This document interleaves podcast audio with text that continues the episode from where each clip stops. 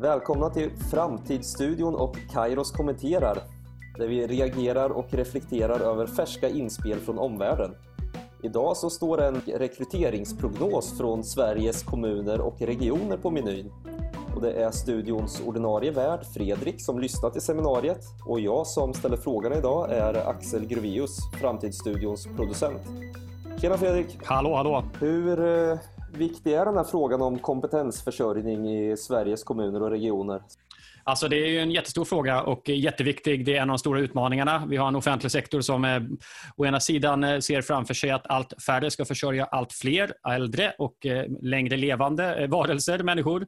Eh, och Samtidigt så ser vi att det saknas folk som kan ta jobben eh, som efterfrågas i offentlig sektor. Och Det här är ju konkurrens också med ett näringsliv som många gånger också jagar kompetens. Så att eh, det är en jättestor utmaning. Och eh, för en tid sedan så pratade jag med Rolf Solli som är professor vid Göteborgs universitet och även Högskolan i Borås och som brukar hjälpa SKR med de ekonomiska, ekonomiska prognoserna.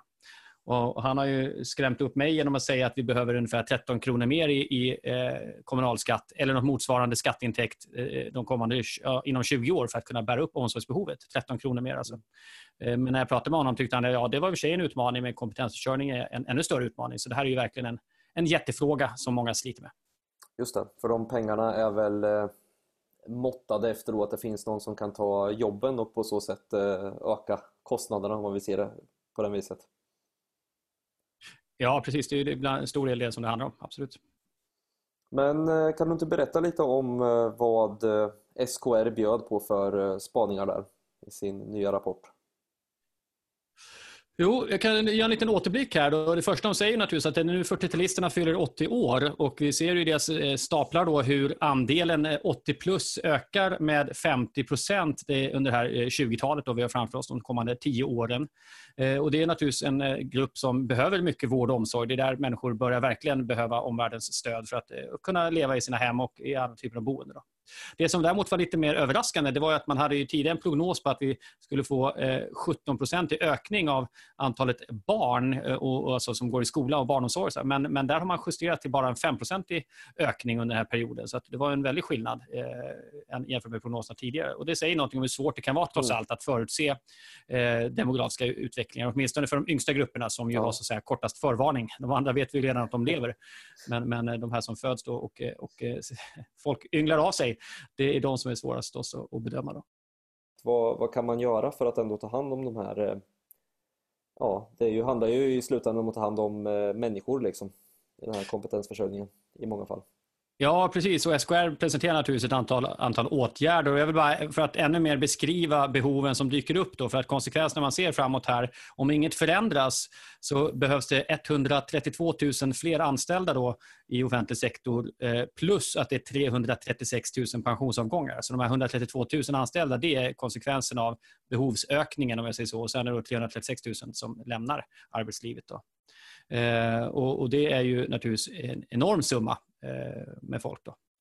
Och är det så att behoven skulle öka snabbare än befolkningen, så att säga, att folk också får mer behov, vilket inte är omöjligt när vi har en, en eh, 40-talisterna som kliver in i, i ålderdomen och är en ganska individualistisk och eh, krävande generation, brukar man säga, så, så kan också det hända. och Då blir det förstås ännu större behov av, eh, av personal och kompetens. Då. Men, men med, det, med det sagt, då, vad kan man göra? Ja, eh, fler arbetar mer, fler arbetar heltid naturligtvis. Eh, hitta nya sätt att jobba är den vanliga lösningen som många pratar om och sen få fler att jobba längre då helt enkelt, att, att minska pensionsavgångarna. Där. Och här finns det då lite siffror i deras prognos. Eh, tre av tio tror att de kommer jobba till 67 eller längre och sex av tio kan tänka sig att jobba längre med rätt förutsättningar. Vad de nu är mm. vet jag inte exakt. Då. Men, men det är ändå, om, om sex av tio skulle göra det så är det naturligtvis en väldig skillnad i statistiken. Ja, det är klart. Då blir det ju en, en lättnad. Det är ju väldigt intressant att 3 av 10 kan tänka sig men att 6 av 10 säger att ja, men om vi får förutsättningar i det. Men det gick de inte närmare in på om vad det handlar om. Nej, precis. Nej, och jag ställde faktiskt frågan på chatten om man såg något samband mellan en ledares, alltså en chefs popularitet bland medarbetarna och viljan att jobba vidare, om det fanns en stark koppling, om man hade koll på det. Men mm. tyvärr hann de inte eh, svara på den frågan. Men det, det, kan man väl tänka sig, att trivs man med miljön och sin chef, då kan man väl tänka sig att köra ett tag till eh, och vice versa då kanske. Sen förstås hoppas de ju då på att nya lösningar, ny teknik, nya arbetssätt och sånt skulle kunna eh, göra att det kan ändras eh, och, och, och, att behoven minskar då. Men, och här hade man en, en antydan om att effektiv, produktiviteten skulle kunna öka med 0,5 procent per år genom att använda teknik på rätt sätt. Och det här förväntar man sig då sker stegvis naturligtvis framåt. Ja, det har vi ju djupdykt i, i podden eh, tidigare tillsammans med eh, Mats Olsson. Så där kan ju den lyssnare som är intresserad gå tillbaka och lyssna på lite intressanta spaningar just om eh, hemmet som vårdplats som du och Mats gjorde tidigare. Ja, precis. precis.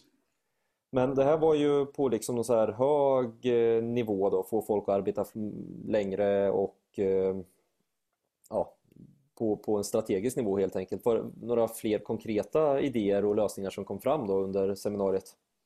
Och hur kan man jobba med det här? Ja, precis. Jo, de hade ett antal utvecklingsspår och innan dess vill jag bara lägga till en strategisk till som jag tycker var intressant att höra. Det är ungefär 80 procent av de anställda i kommuner och regioner som är kvinnor. Mm. Eh, och då har man sett att det, det rekryteras varje år 40 000 vikarier eh, på grund av föräldraledighet. Och, och, det är bra. Det är bra att folk får barn. Så att säga. Men skulle man kunna få till ett jämnt uttag mellan könen så skulle det innebära en minskning med 9 000 vikarier jämfört med 40 000. Så att, säga. Så att det är ett sånt intressant eh, ämne också att fundera på, att det skulle bli en stabilare eh, kompetensförsörjning. Och här var lite intressant i samtalet att, att eh, man hade nästan lite svårt att säga att en, att en ordinarie personal var mer effektiv och kanske skickligare än en vikarie, men så är det ju naturligtvis. Mm. Och inte minst de som får vård och omsorg trivs med en kontinuitet av kompetent personal och inte vikarier. Så att, men, men det är ett annat exempel på en strategisk fråga som man ändå diskuterar och funderar kring. Då kan vi förändra uttaget av föräldraledighet? Och så var då lösningar då, eh, som du var inne på, eh, konkreta idéer. Ja, här hade man ju tre stycken eh, strategiska spår kan man säga. En som handlar om attraktiv arbetsgivare, en som handlar om nya lösningar och en som handlar om det hållbara arbetslivet. Och den som är intresserad av det här kan gå in och kolla lite närmare i rapporten. Och, och, och på en ytlig nivå var ju inte det här några revolutionära idéer, men bra idéer som, som är helt nödvändiga, som eh, naturligtvis stärka ledarskapet och rekrytera bredare, få fler människor att kunna tänka sig att jobba i offentlig sektor och använda den kompetens som finns och så vidare. Men också att prioritera arbetsmiljöarbetet, öka heltidsarbetet och förlänga arbetslivet som jag var inne på tidigare. Då. Eh, så att den kan man titta på SKRs tankar om vad det kan vara för någonting. Och vi har ju kontinuerligt undersökt vad människor efterfrågar i arbetslivet och offentlig sektors villkor är ju inte de tappar ju så att säga inte i värde idag om vi tittar på eh, att man vill ha stabilitet och trygghet och sådana saker som, som eh, kommunal sektor och offentlig sektor har inte kunnat erbjuda i alla fall så länge folk får en tillsvidareanställning. För det är det man vill ha. Man vill inte ha kortare vikariat och gig och sådana saker. Då. Men, men generellt så ser inte vi i våra studier att man skulle välja bort offentlig sektor av det skälet. Utan den som är ung idag eh, generellt sett efterfrågar ett stabilt liv med möjlighet till fritid och ett bra familjeliv. Så att säga. Och det, det kan man ju få om man har den typen av jobb som offentlig sektor ofta erbjuder. En trygghetsplattform, inte bara för brukare då, utan också för eh, anställda. Precis, precis. Men du som jobbar med de här frågorna till eh, dagligdags och med inte bara kommuner och regioner utan i andra sammanhang. Ser du något mer man skulle kunna göra här? Ja, det, det, tycker jag. Och jag blev inspirerad också av de, de, eh, som kom med konkreta exempel från, från vardagen. Mariestad kommun till exempel. Jag har ju bott i närheten där som, som boende i Skövde. Eh, en, en liten kommun, eh, men som jobbar till exempel med att försöka få till mer stabilitet och mer anställda och färre vikarier och färre tillfälliga lösningar på olika sätt. Och Det hade man lyckats med. Och Det som var intressant i det hon beskrev där, det var ju att man måste helt enkelt bestämma sig också. Alltså det finns lösningar om man vet vad man vill och man bestämmer sig. Då, då kan man hitta dem. Och De hade fått eh, ett tydligt stöd från politiken i ryggen och, och man hämtade goda exempel från annat håll. Så men, men just att man måste också bestämma sig för att göra de här förändringarna. Jag tycker att det här vi ska prioritera, det som är viktigt. Det kan låta som en självklarhet, men, men om man vänder på det, om man inte har bestämt sig, nej, då lär man inte heller hitta någon väg. Utan det gäller att, att skapa en samsyn kring vad det är vi ska uppnå. Då. Och Sen tror jag det är naturligtvis jätteviktigt. Underskatta inte chefernas betydelse. Det vet vi mycket väl eh, sen eh, tidigare och personliga erfarenheter men eh, också tidigare studier vi har gjort att folk rekommenderar bra chefer, folk är lojala med bra chefer. Det, det har en jättestor betydelse.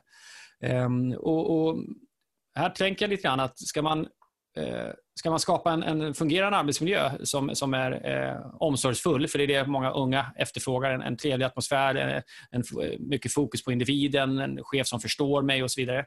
Eh, ska man skapa den varma eh, och omsorgsfulla eh, kulturen och atmosfären samtidigt som man ska driva utveckling. Alltså ny teknik kanske ska in, folk behöver fortbilda sig i olika saker för att eh, ta till sig den här nya tekniken och nya arbetssätt.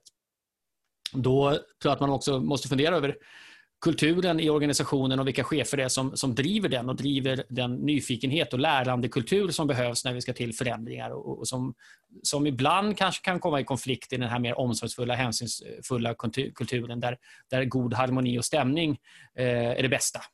Eh, för ibland, ibland blir det friktion när vi ska göra saker på ett annat sätt och det behövs göras på ett annat sätt om vi ska få ihop det. Så är det. Är det här ett stort behov som du upplever eller är man på, på rätt eh, spår? Där? Behövs det fler eh, ledare som knuffar sina anställda ut ur komfortzonen?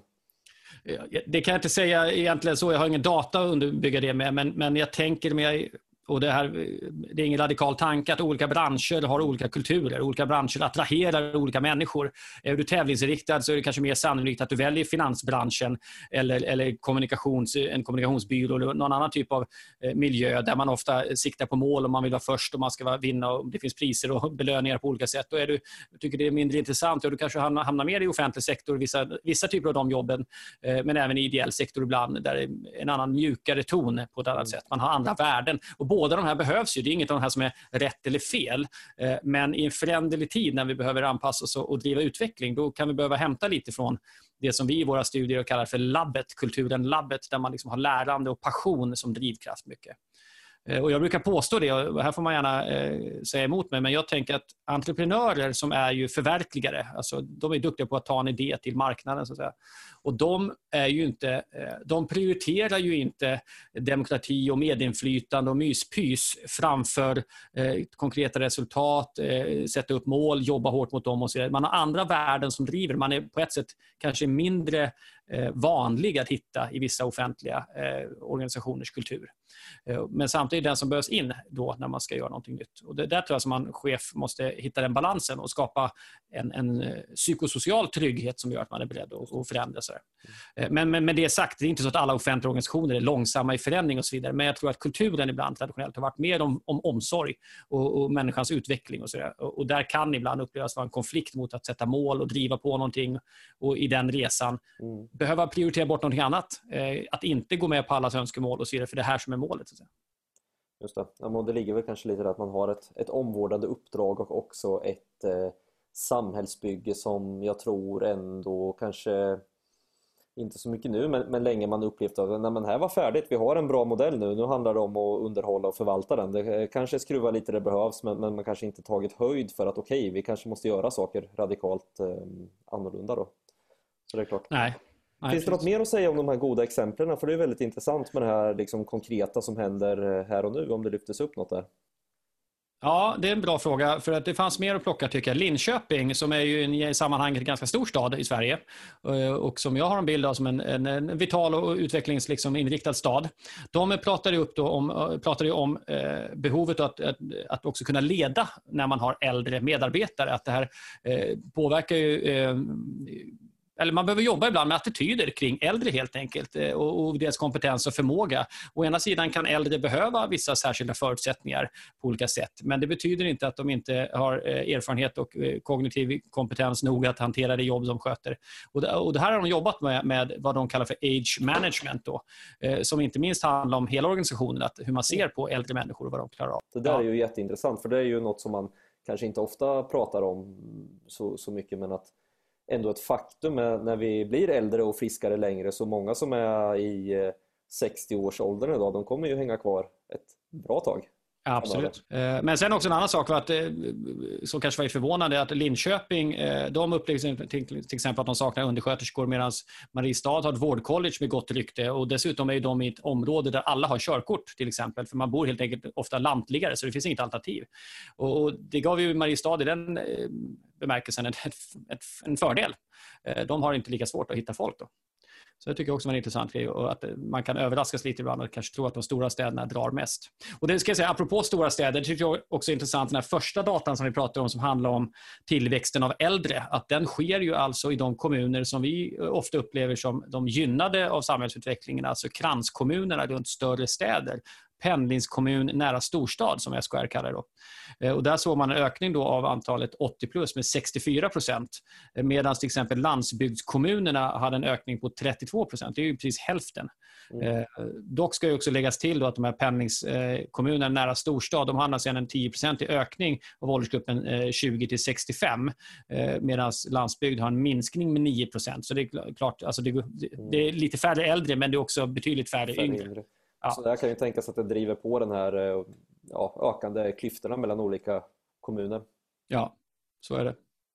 Ja, så att det, det, var ett litet sidospår där, men, men eh, det fanns flera bra exempel och den här, deras seminarium går förstås att ta del av på nätet eh, och kolla. Eh, så. Men jag vill lägga till något mer apropå vad man kan göra åt det här, vad vi är inne på. Och, och det som vi bland annat har jobbat med är ju ett verktyg som heter Kompetenskompassen. Mm. Vi gjorde ju Stora jobbstudien för några år sedan och i den så tillfrågades 10 000 svenskar som studerar eller arbetar om vilka preferenser de har. Eh, vilket jobb har de? Vilken utbildning har de? Vilka kompetenser tycker de att de har?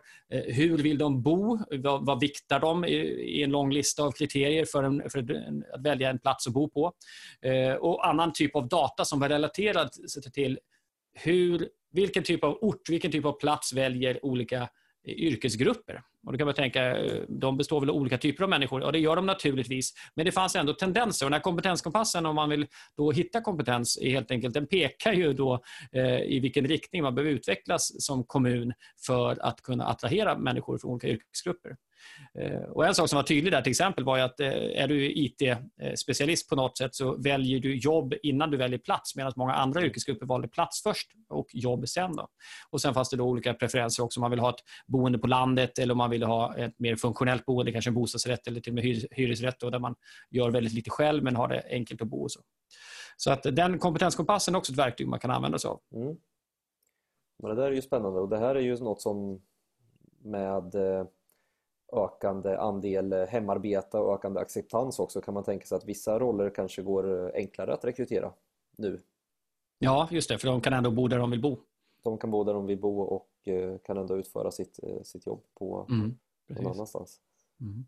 Har... Ja, och, när du säger det, måste vi naturligtvis eh, flagga lite grann för vår kollega Daniel som drar ju den här nya mid-corona-studien som är på gång. En stor bred eh, studie där vi vill ha tag på organisationer som vill utforska hur ser förväntningarna ut på arbetslivet framöver mellan medarbetare och arbetsgivare och hur ser idéerna ut om vad är en bra plats att bo på och hur, vad finns det för tankar kring platsanvändning och, och platsens funktioner i framtiden. Vi är, ju, är fortfarande mitt i pandemin men, men vad kan vi se om vi spanar framåt tillsammans? Och är man intresserad så får man gärna höra av sig till Daniel Lindén och prata om med Corona-studien. Det finns förstås också på vår hemsida.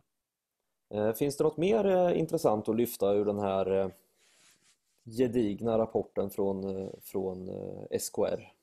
Ja, nu har vi flugit över eh, naturligtvis ganska fort här, men jag tror ändå att vi har förmedlat någon slags bild av Eh, av utvecklingen och att det finns naturligtvis möjligheter att, att, eh, att förändra läget för den egna organisationen. Att lyckas eh, göra som Mariestad till exempel då, som får till en, en minskning i behovet att köpa övertider och, och, istället ha fast personal på plats och så vidare. Det jag kan lägga till från vårt håll också, som jag tycker är värt att säga, det är ju att som kommun då inte minst fundera på om man har en tydlig bild av sin sin plats i arbetsmarknadsnätverket. Alltså vad är det vi, vår roll i arbetsmarknadsnätverket med våra omgivande kommuner och städer. Och det här har vi jobbat med länge. Vi har något som vi kallar för T-samhällesanalysen, då, tankesamhället, det kunskapsintensiva samhället där vi har eh, hjälpt ett stort antal kommuner att få reda på vad har de för näringslivsprofil, hur ser deras penningstatistik ut, vad har de för unika värden och vad behöver de utveckla för att motsvara olika yrkesgruppers behov. Då.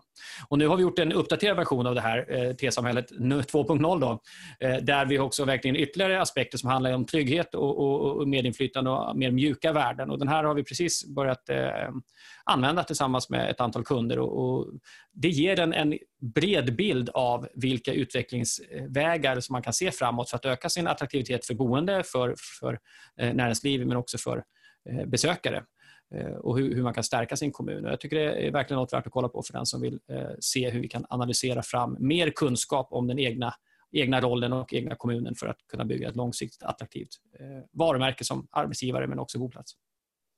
Mycket data finns att ta del av. Ja, det finns verkligen. Precis. Mm. Eh, och du, annars, den som vill läsa mer om rapporten hittar den naturligtvis på SKRs hemsida. Eh, och, eh, det, det, finns garanterat mycket mer att, att sätta, eh, sätta tänderna i här. Eh, och ska man avsluta med någonting så, så ser man väl att eh, det som skickas med också från, från webbinariet var att vi, vi måste få mer eh, resurser till utbildning, fortbildning, omställning eh, och på det sättet ta, ta tillvara människorna som finns och, och, ge dem de verktyg de behöver för att matcha de behov som, som offentlig sektor har. Och det, det är väl en ganska bra avslut på den här analysen av vad som behövs. För det, Den frågan handlar ju förstås på, på statlig nivå i hög grad men också i samarbete med näringsliv och regionala aktörer. Ja, det börjar bli dags att eh, runda av för den här gången. Men eh, har vi något att säga om eh, kommande avsnitt av Framtidsstudion? Ja, absolut. Eh, det här var ju en Kairos kommenterar, men snart släpper vi nya avsnitt där vi diskuterar framtiden med olika aktörer. Och Det som står på tur snart, det är ju bland annat ett samtal med Thomas Björkman som eh, med sin stiftelse Ekskäret jobbar för den nya, eh, det nya folkbildandet. Alltså hur behöver vi stötta medborgarna för att, och utveckla dem för att leva i den här föränderliga tiden och i det här nya samhället, precis som folkrörelserna en gång gjorde i början på 1900-talet. En annan gäst vi har framför oss är Anna Heimersson från Svensk, eh, Svenska turistföreningen som kommer att prata om eh, föreningsdemokrati på distans och hur de har jobbat med att eh, få medlemmarnas röster att höras när man inte kan ses. Eh, och det är också ett intressant fokus för de som jobbar med den typen av frågor. Eh, vi kommer också få besök av vår eh, VD Mats Lindgren som ska berätta lite om eh, AI-analys och verktyg för dataanalys framöver, bland annat. Men det kommer fler saker. Mycket spännande och eh, det ser vi fram emot att lyssna på. Fram till studion är slut för idag. Tack så jättemycket för att du lyssnat och på återhörande. Sällan har det varit så uppenbart nödvändigt att försöka förstå framtiden. Men systematisk omvärldsanalys tar tid och kostar pengar. Löpande framtidskoll är en abonnemangstjänst för omvärldsbevakning. Du får kvartalsvisa uppdateringar kring relevanta trender som analyseras tillsammans med våra framtidsstrateger. Du får den koll du behöver på kortast möjliga tid och till ett långt billigare pris än om du skulle göra det i egen regi. Läs mer om löpande framtidskoll på vår hemsida eller hör av dig på info så återkommer vi till dig.